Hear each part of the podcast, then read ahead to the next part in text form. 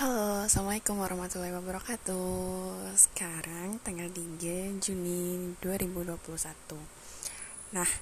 uh, hari ini sebenarnya um, masih ngerjain skripsi Cuman ngerjainnya dari rumah Karena uh, udah nggak ke lab lagi Hewan cobanya uh, sampel dari aortanya udah diantar ke histo FKUI di Salemba sedangkan untuk uh, pengukuran kadar lipidnya tuh